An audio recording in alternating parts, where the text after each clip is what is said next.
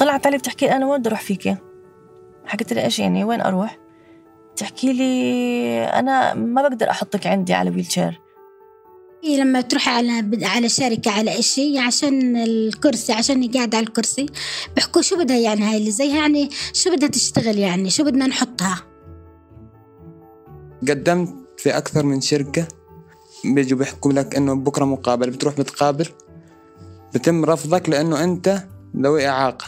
ما بتساعدهم في الشغل أو بيقولوا لك يا بالمشرمح إحنا بدنا إنسان كامل.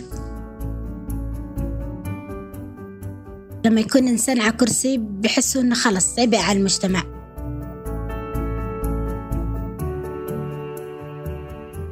هبة وعائشة وحسام شباب أردنيين من ذوي الإعاقة. هبة وحسام من الأشخاص المحظوظين اللي قدروا يحصلوا على حقهم في التعليم. هذا الحق اللي أكثر من 90% من الأشخاص ذوي الإعاقة محرومين منه. بس على قولة حسام الحلو ما بكمل حسام اتخرج من الجامعة في 2017 بتخصص نظم إدارية ومعلوماتية وبعدها بدأ رحلته في البحث عن العمل. حسام بيواجه عوائق مختلفة عن العوائق اللي بيواجهها الأردنيين العاطلين عن العمل اليوم. عوائق حسام مش بس اقتصادية وما بتتعلق بالنمو الاقتصادي أو حالة الركود اللي كلنا حاسين فيها. حسام بينحرم من الوظيفة مش بس بناء على مؤهلاته ومهاراته ولا حتى إذا كانت البدلة اللي لبسها في المقابلة مع مسؤول الموارد البشرية مناسبة أو لا. حسام بتم إقصاؤه حرفيا من أماكن العمل اللي بحاول يحصل على وظيفة فيها لأنه شخص من ذوي الإعاقة وهذا بالقانون الأردني يعتبر تمييز. أنا معكم أنس ضمرة في حلقة جديدة من بودكاست ما العمل في الموسم الأول والثاني من ما العمل تعرفنا على العمال المهاجرين عن قرب. سمعنا منهم عن تجاربهم في الأردن وناقشنا السياسات اللي بتنظم سوق العمل وأثرها على هدول العمال. بس بهالموسم رح نحكي أكثر عن العمال الأردنيين في سوق العمل عن معاركهم ونضالاتهم اليومية لتحصيل وحماية حقوقهم.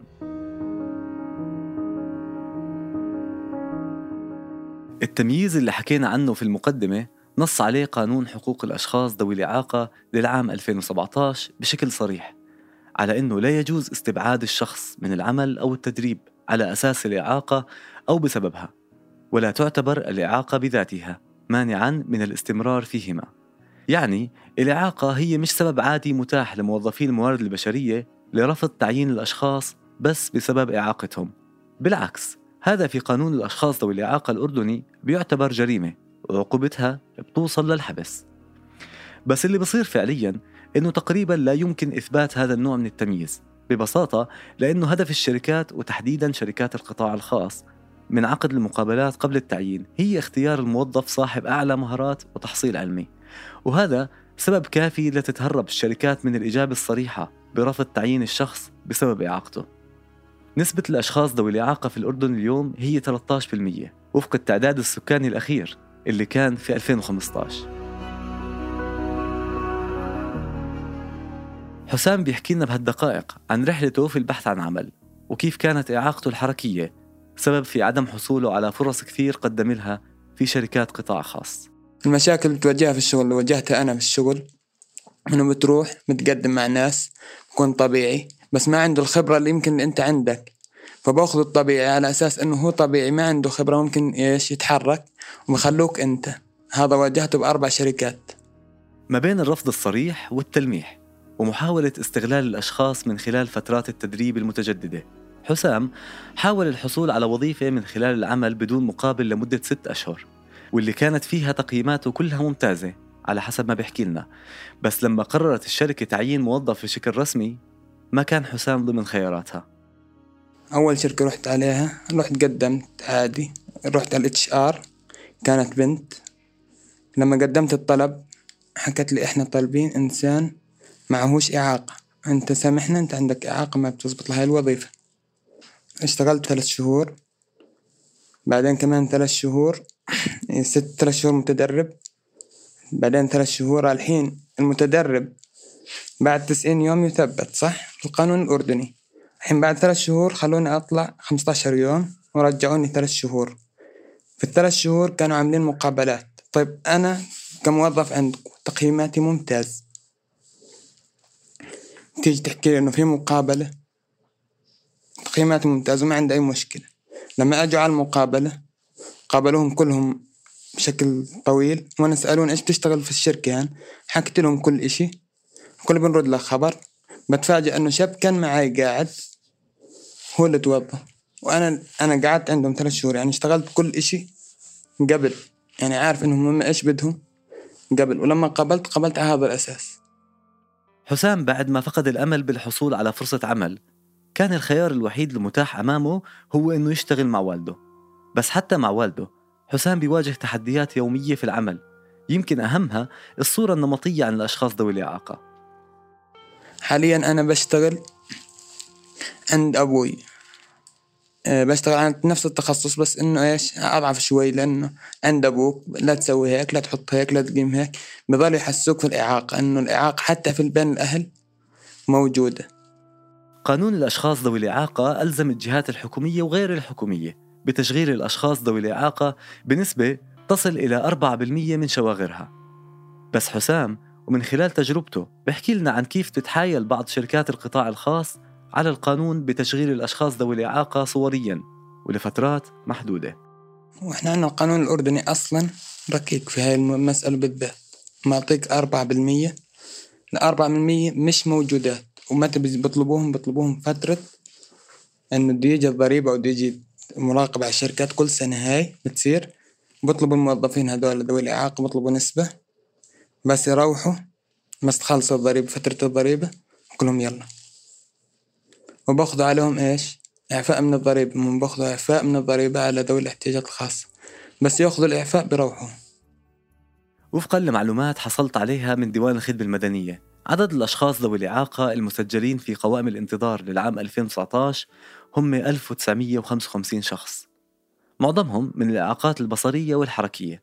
76% منهم من حملة الشهادة الجامعية.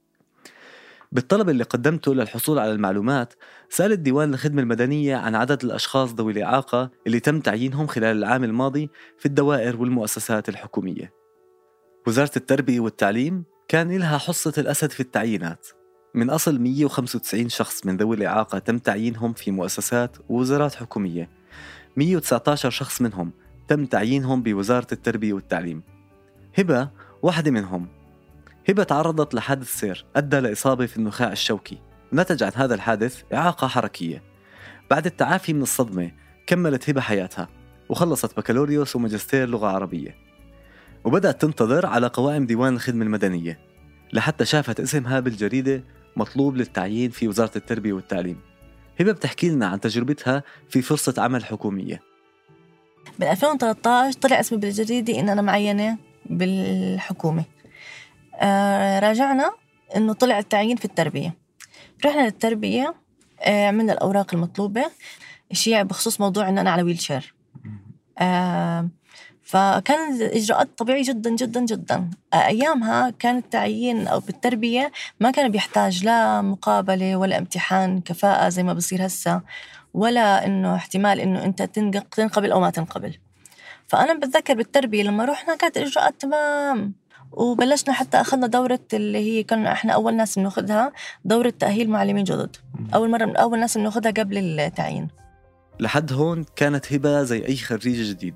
حصل على وظيفة وأخذ تدريب مكثف. متحمسة وبدها تبدأ شغلها. بس رحلتها في اليوم الأول بالمدرسة كانت مختلفة خصوصا باستقبال إدارة المدرسة إلها كمعلمة جديدة على كرسي متحرك. حكونا يلا مباشراتكم في المدارس الفلانية. انت وين؟ بأي مدرسة؟ المدرسة الفلانية. رحت على المديرة أيامها فبس شافتنا هيك على wheelchair آه انصدمت. وكان هي أسلوبها يعني كلماتها صريحة ودغ. طلعت علي بتحكي أنا وين بدي أروح فيكي؟ حكيت لها إيش يعني؟ وين أروح؟ تحكي لي أنا ما بقدر أحطك عندي على wheelchair حكيت لها okay أرجع التربية أحكي لهم إنك ما بدك إياني. بتقولي لا روحي للتربية وخليهم يحكوا معي okay رجعت للتربية حكيت له أنا المديرة عندها مشكلة إنه أنا wheelchair حكى لي okay مين الفلانية الفلانية؟ okay رن عليها. أنا بصراحة ما سمعت ما عرفت شو حكى بينه وبينها. رجعت عندها حكت لي طيب إحنا رح نحطك معلمة زائدة. حكيت إيش معلمة زائدة؟ قالت لي انت ما حتعملي ولا شيء يعني. فطلع شو في الفكرة المبد... المعلم الزائد ومبدأه؟ آه بروح بوقع وبضلني قاعدة ما بعمل ولا شيء نهاية الدوام بوقع وبروح بس ولا شيء فكرة المعلم زائد إنه مثلا هاي المدرسة بيكتب بتكتبي لها التربية إن أنت بنقدر نعطيكي خمس معلمات عربي تمام؟ هسا هي بس بيعطوها خمس معلمات عربي هي بدها توزع الحصص العربي اللي بدها تعطيها للصفوف لازم توزعهم على الخمس معلمات. طب إذا أنا حسبتني معلمة وأعطوها معاي أربع معلمات معناته الحصص حيتوزعوا مش على خمسة على أربعة معناته حيشكل أربع معلمات. فتداركا من شكاوي الأربع معلمات رجعتني أنا على التربية عشان تحكي لهم. أنا هيك التحليل اللي صار. عشان تحكي لهم إنه أنا بقبل هاي المعلمة لكن ما تحسبوها علي وتخصموا لي من حصتي من حصتي الخمس معلمات. بالأردن الأشخاص ذوي الإعاقة بوصل عددهم لمليون شخص تقريبا حسب بيانات الإحصاءات العامة. 24% من الأشخاص ذوي الإعاقة ممن تبلغ أعمارهم 15 عاما فأكثر نشطين اقتصاديا. في حين بتبين هاي الأرقام أنه 80% من الإناث ذوات الإعاقة فقدوا الأمل في العثور على فرصة عمل. حق العمل من أهم الحقوق اللي نصت عليها الاتفاقية الدولية لحقوق الأشخاص ذوي الإعاقة واللي صادق عليها الأردن في 2007 نصت على الحق بالعمل بالمساواة مع الآخرين. هذا الحق بيشمل كمان إتاحة الفرصة للأشخاص ذوي الإعاقة لكسب الرزق في عمل بيختاروه أو بيقبلوه بحرية في سوق العمل. وبيئة عمل سهل عليهم الانخراط فيها. كمان الأردن صادق على اتفاقية منظمة العمل الدولية رقم 195 لعام 1983 بشأن التأهيل المهني وعمالة ذوي الإعاقة واللي بتأكد حقهم في التأهيل والتدريب المهني. وأخيرا في 2017 إجا قانون حقوق الأشخاص ذوي الإعاقة لينص على كل هاي الحقوق بشكل واضح وصريح. وبجرم المخالفين. لكن حتى الآن بعد أكثر من ثلاث سنوات من القانون وأكثر من عشر سنوات على الاتفاقية. لساتهم الأشخاص ذوي الإعاقة بيواجهوا تحديات كبيرة في دخول سوق العمل.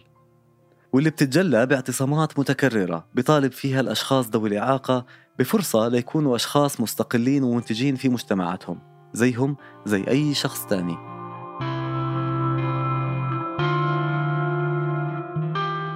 كنت معكم في الإعداد والتقديم أنا أنس ضمرة تيسير قباني في هندسة الصوت يعقوب أبو غوش في التحرير. تابعونا على فيسبوك وتويتر للاستماع إلى باقي حلقات برنامج ما العمل من إنتاج منصة صوت.